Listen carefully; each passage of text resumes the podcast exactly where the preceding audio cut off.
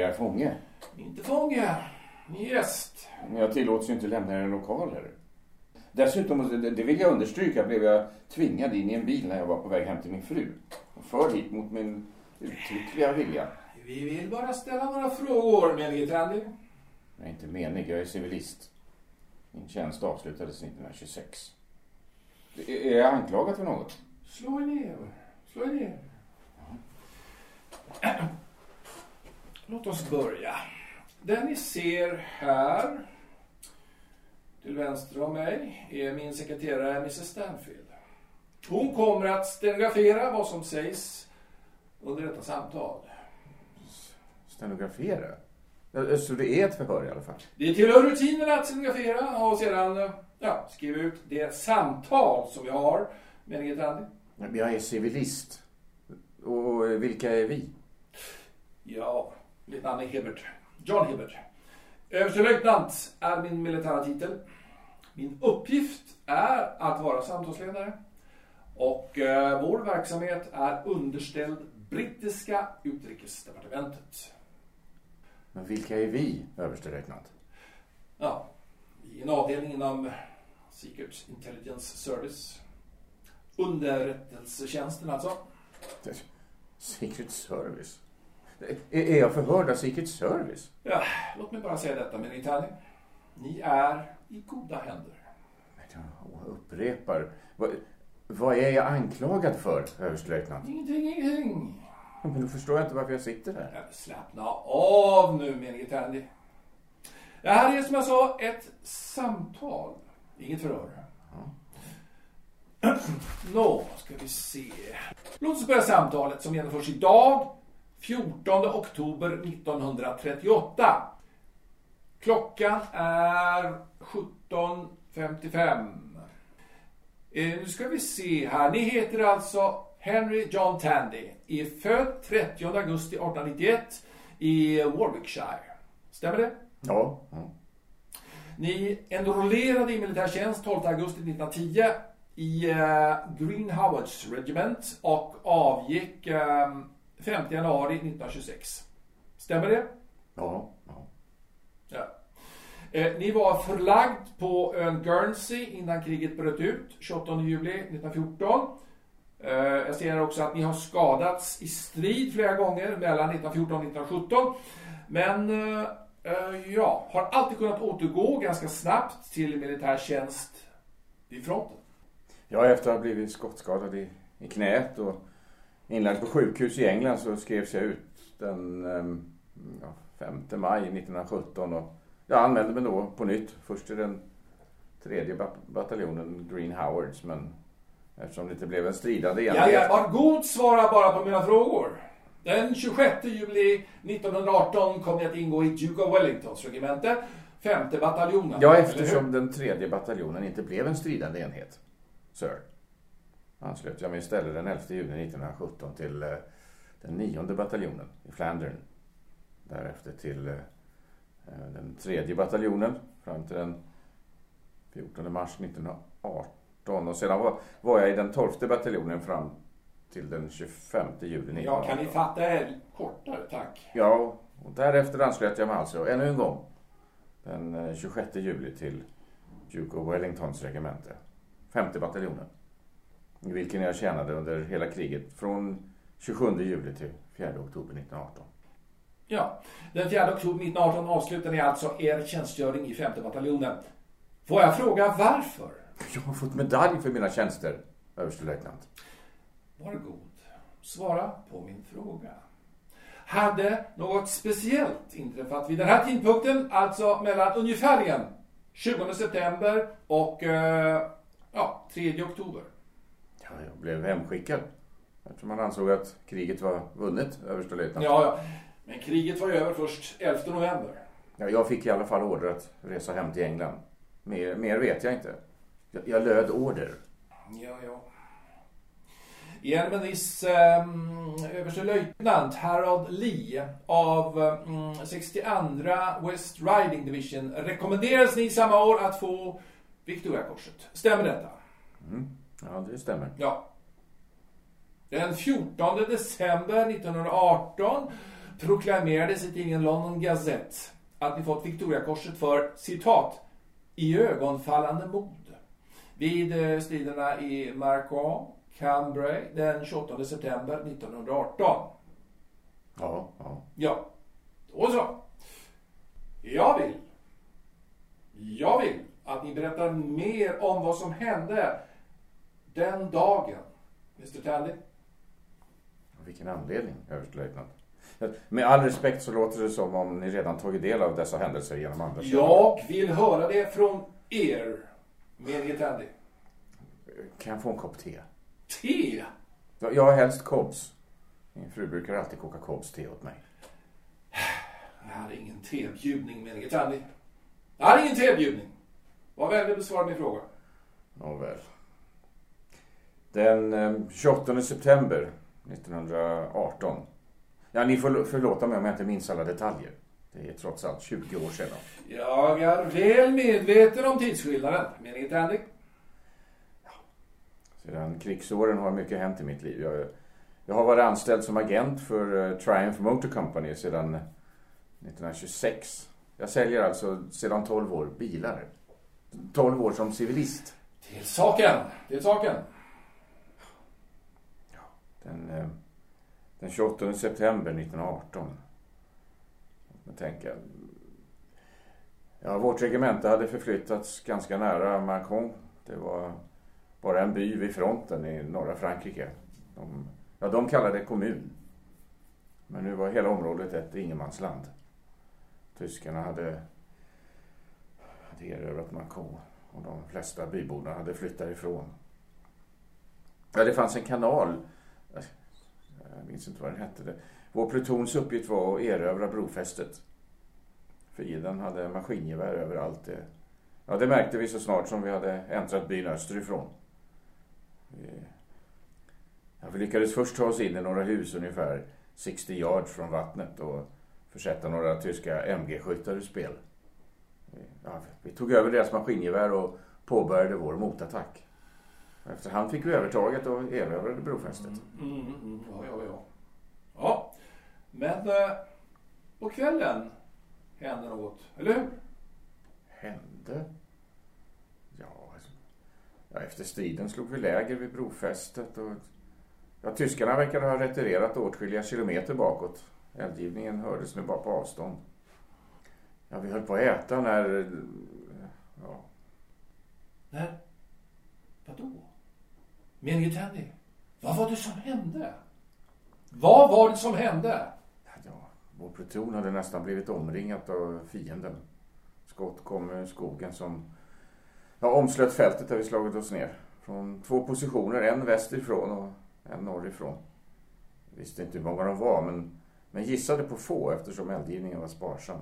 Inga kanoner, inga tanks. Förmodligen var de färre än en pluton. Kanske 50 man.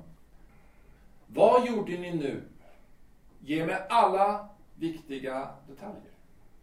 Ja, eftersom ingen officer fanns kvar i den, i den omedelbara omgivningen. Ja, de hade ju stupat under, under dagens strider. Inga officerare alls? Även underofficerarna hade stupat under striden i byn. Eftersom ingen officer fanns kvar i plutonen så ja, då tog jag kommandot. Ja, ja. Och eh, vilka order gav ni? Ja, jag beordrade bajonett på, överstelöjtnant. Jaha. Och sen? Sen ja, anföll vi fienden, överstelöjtnant. Med bajonetter. Gevär med bajonett på, sir. Hade inte fienden eh, kulsprutor? Fienden avfyrade inte längre någon MG-eld. Jag, jag, jag tror att vi hade erövrat de maskingevär som tyskarna hade haft under striden i byn. De hade, ja, de hade sen retirerat över bron och in i skogarna. Vi själva hade lämnat kvar alla MGs utom två eftersom vi bara var 28 man, två sektioner. Varje sektion tog en kulspruta med sig över bron men, men efter några minuters eldstrid så tog ammunitionen slut. Ammunitionen tog slut. Ja, överstelöjtnant. Utan dragdjur är MG-ammunition tung att släpa på. Vi hade inga dragdjur den kvällen.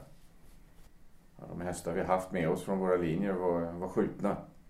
Vi hade alltså efterhand bara våra, våra gevär, liksom fienden. Ja. Fortsätt. Ja. ja. vi drog oss snabbt också in i skogen, fast då i skogen bakom oss där tyskarna inte höll till.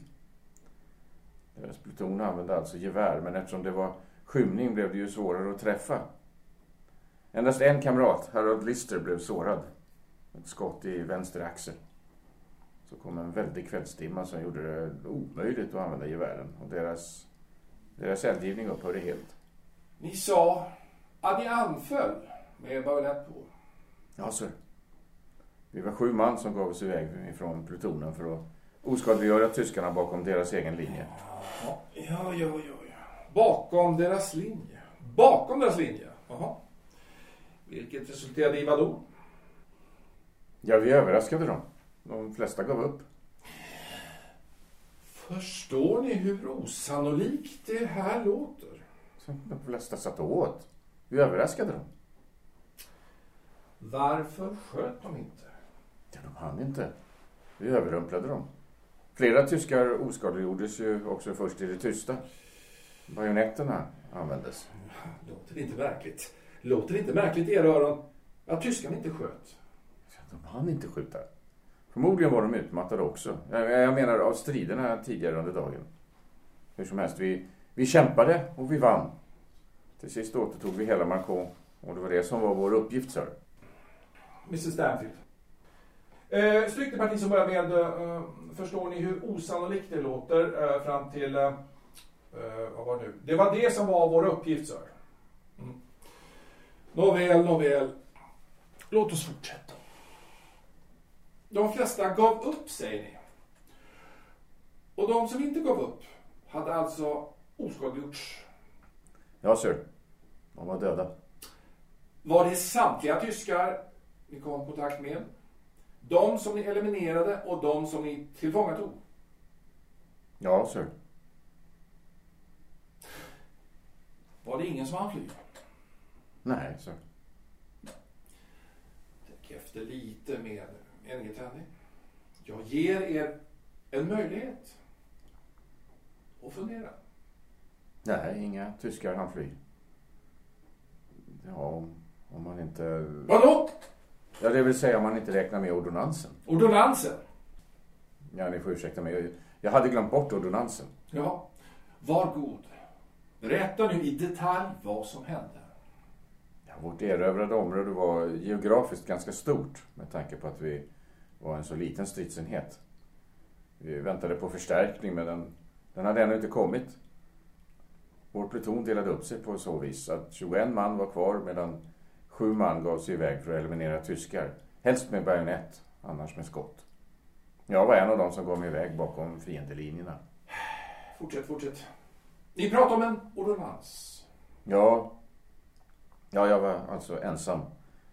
Ålade mig fram genom terrängen och jag visste inte exakt vad tyskarnas ställningar var eftersom de nu varken gav eld eller gjorde några framstötar mot våra ställningar. Jag antog att de gjorde sig redo för att sova. Jag ålade mig alltså fram. Och sen... ehm, Och sen? Ja, sen avancerade jag genom en tät skog. Tog mig från träd till träd. Plötsligt um, stötte jag på en soldat. Han satt med ryggen mot mig. Han vände sig om. Hade inget gevär. Han hade stora mustascher. Såg mycket trött ut. Satt och åt ur en konservburk, ensam. Ja, då såg jag att han var tysk ordonnans. Hade dokumentränsel och fältflaska korsvis över axlarna. Visserligen kunde han ha gripit efter en kniv. Han hade en sån också, men, men det gjorde han inte. Han bara satt där och stirrade på mig. Han stirrade på mig intensivt med de där märkliga ögonen. Han hade ett bandage runt midjan. Jag, jag kunde se att det var blodigt. Han var sårad, antagligen av vår eldgivning under dagen. Så reste han på sig och log mot mig. Sa han någonting? Sökte han kontakt med er? Ingenting alls. Han bara stirrade på mig med de där knappögonen. Log mot mig. Eh, Ett snett leende, liksom hånfullt leende. Sa ni något? Nej. Vad gjorde ni då? Vad gjorde ni då? Min plan var förstås att ta honom till fånga och återbörda honom till vår pluton. Ja, ja, ja. Ja, ja. Fortsätt. Fortsätt. Men ja, det var något med de där ögonen. Det var som om han menade sig vara den överlägsne. Jag kunde ha dödat honom på fläcken, men jag kunde inte förmå mig att varken döda honom eller föra honom tillbaka som fånge. Jaha. Ni kunde alltså skjutit honom? Dödat honom? Ja, Ni kunde alltså ha tagit honom till fånga? ja men som jag sa, sir. Svara bara ja eller nej på min fråga. Ja. Jag kunde ha tagit honom till fånga. Nåväl, nåväl. Vad gjorde ni istället? Ja, det var som sagt i skymningen. Det, det var dimmigt. Han log mot mig igen, vände sig tvärtom och, och så gick han iväg. Han bara gick. Ja, ett ögonblick senare var han försvunnen i dimman. Och jag, jag visste inte riktigt om jag bara hade fantiserat alltihop. Strax därpå hörde jag några röster cirka 25 meter längre bort. Jag smög mig dit och kunde då överrumpla tre tyska soldater som hade lagt sig för att sova. De tre tog jag sen med mig tillbaka som fångar. Ja, ja, ja, ja. Rapporterar ni till någon officer när ni återfått kontakten? Jag menar nu om ordonnansen. Nej, sir.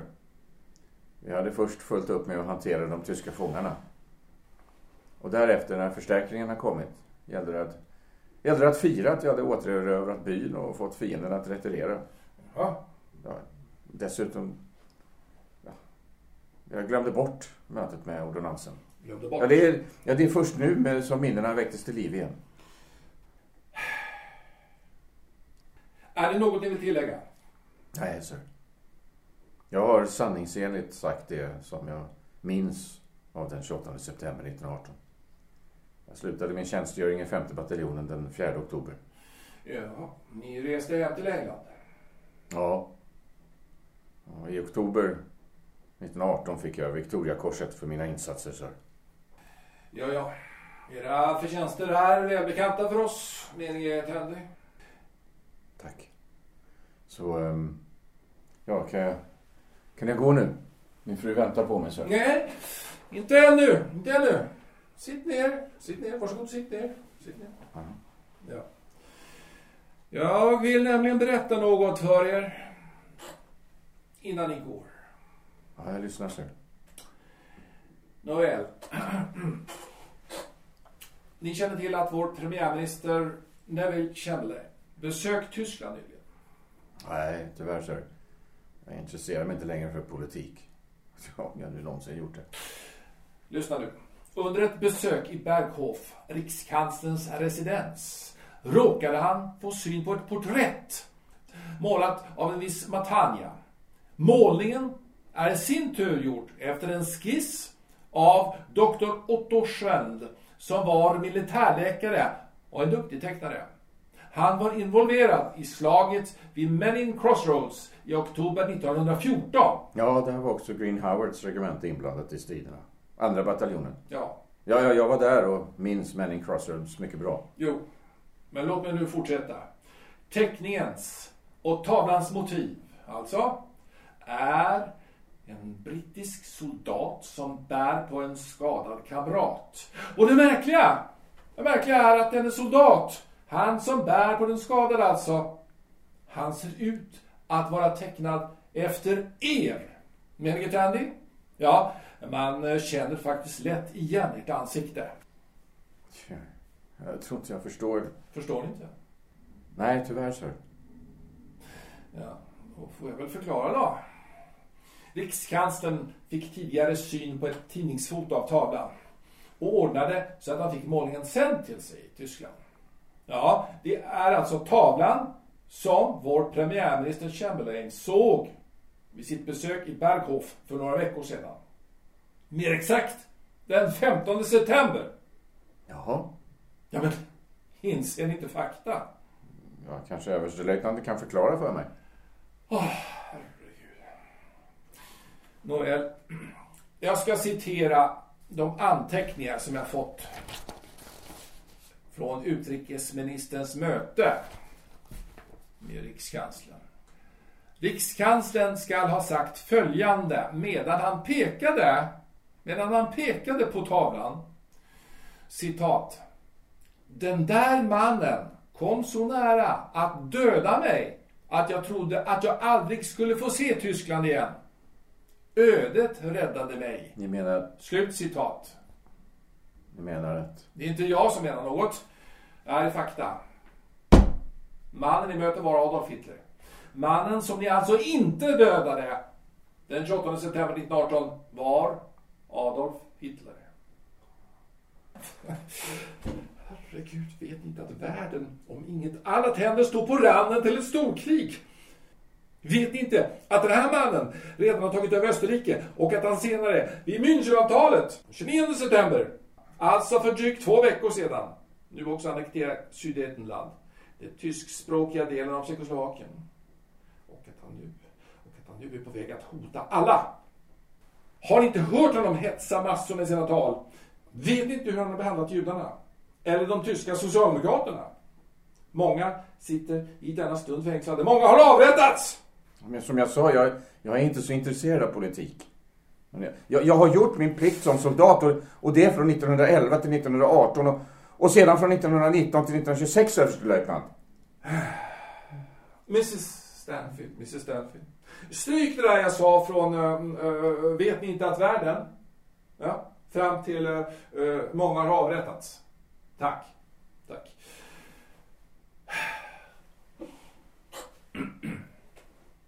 Ni. Förstår ni vad ett val har kostat oss? Nej, sir.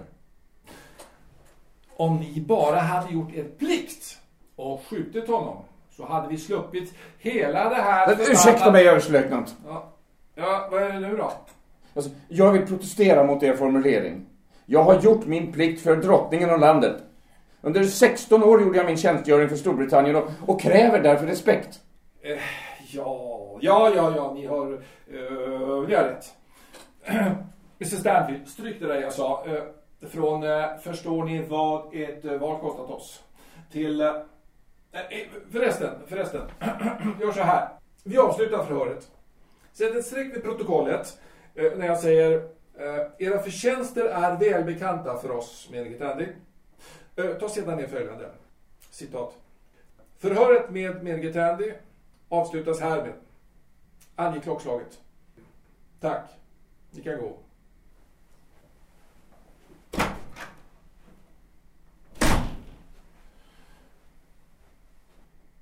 Ja. Menige Tandy.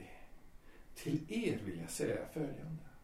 Ni hade chansen att eliminera en av vårt lands och kanske en av den europeiska demokratins största fiender. Men ni valde att inte göra det. Förstår ni inte konsekvenserna av ert val? Förstår ni inte att vartenda val som ni gör kan få oerhörda konsekvenser? Inte bara för er själv, utan också för andra. Ja, till och med för... Varför i helvete sköt ni inte karl? Ja, enligt lag ska obeväpnade fiender och fiender som ger sig inte avrättas, sir. Enbart tas till fånga. Men ha! Fan, ni behöver inte lära mig krigslagarna.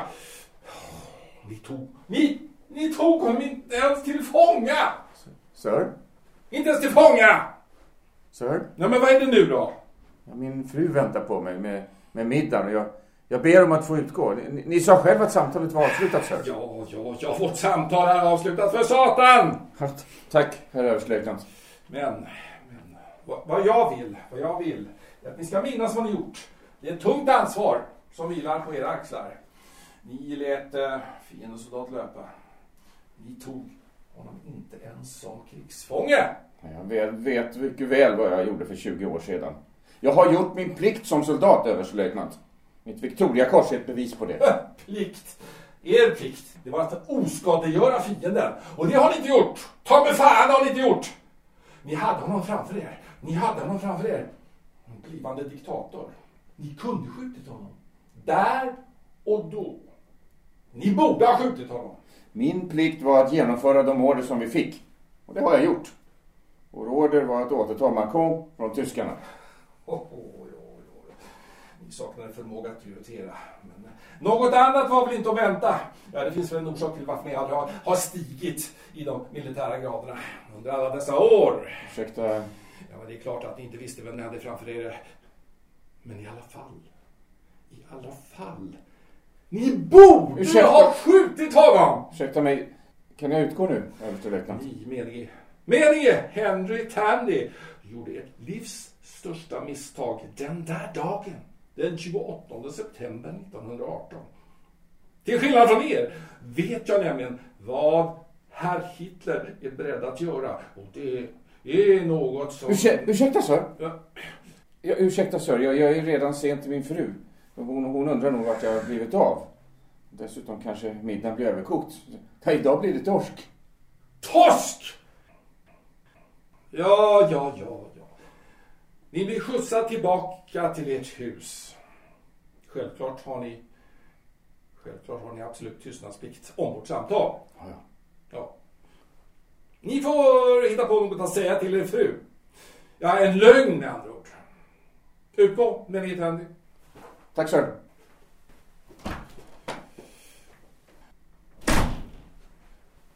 Ja, ja, ja. Till skillnad från er, menige Tandy, vet jag vad vi kan förvänta oss.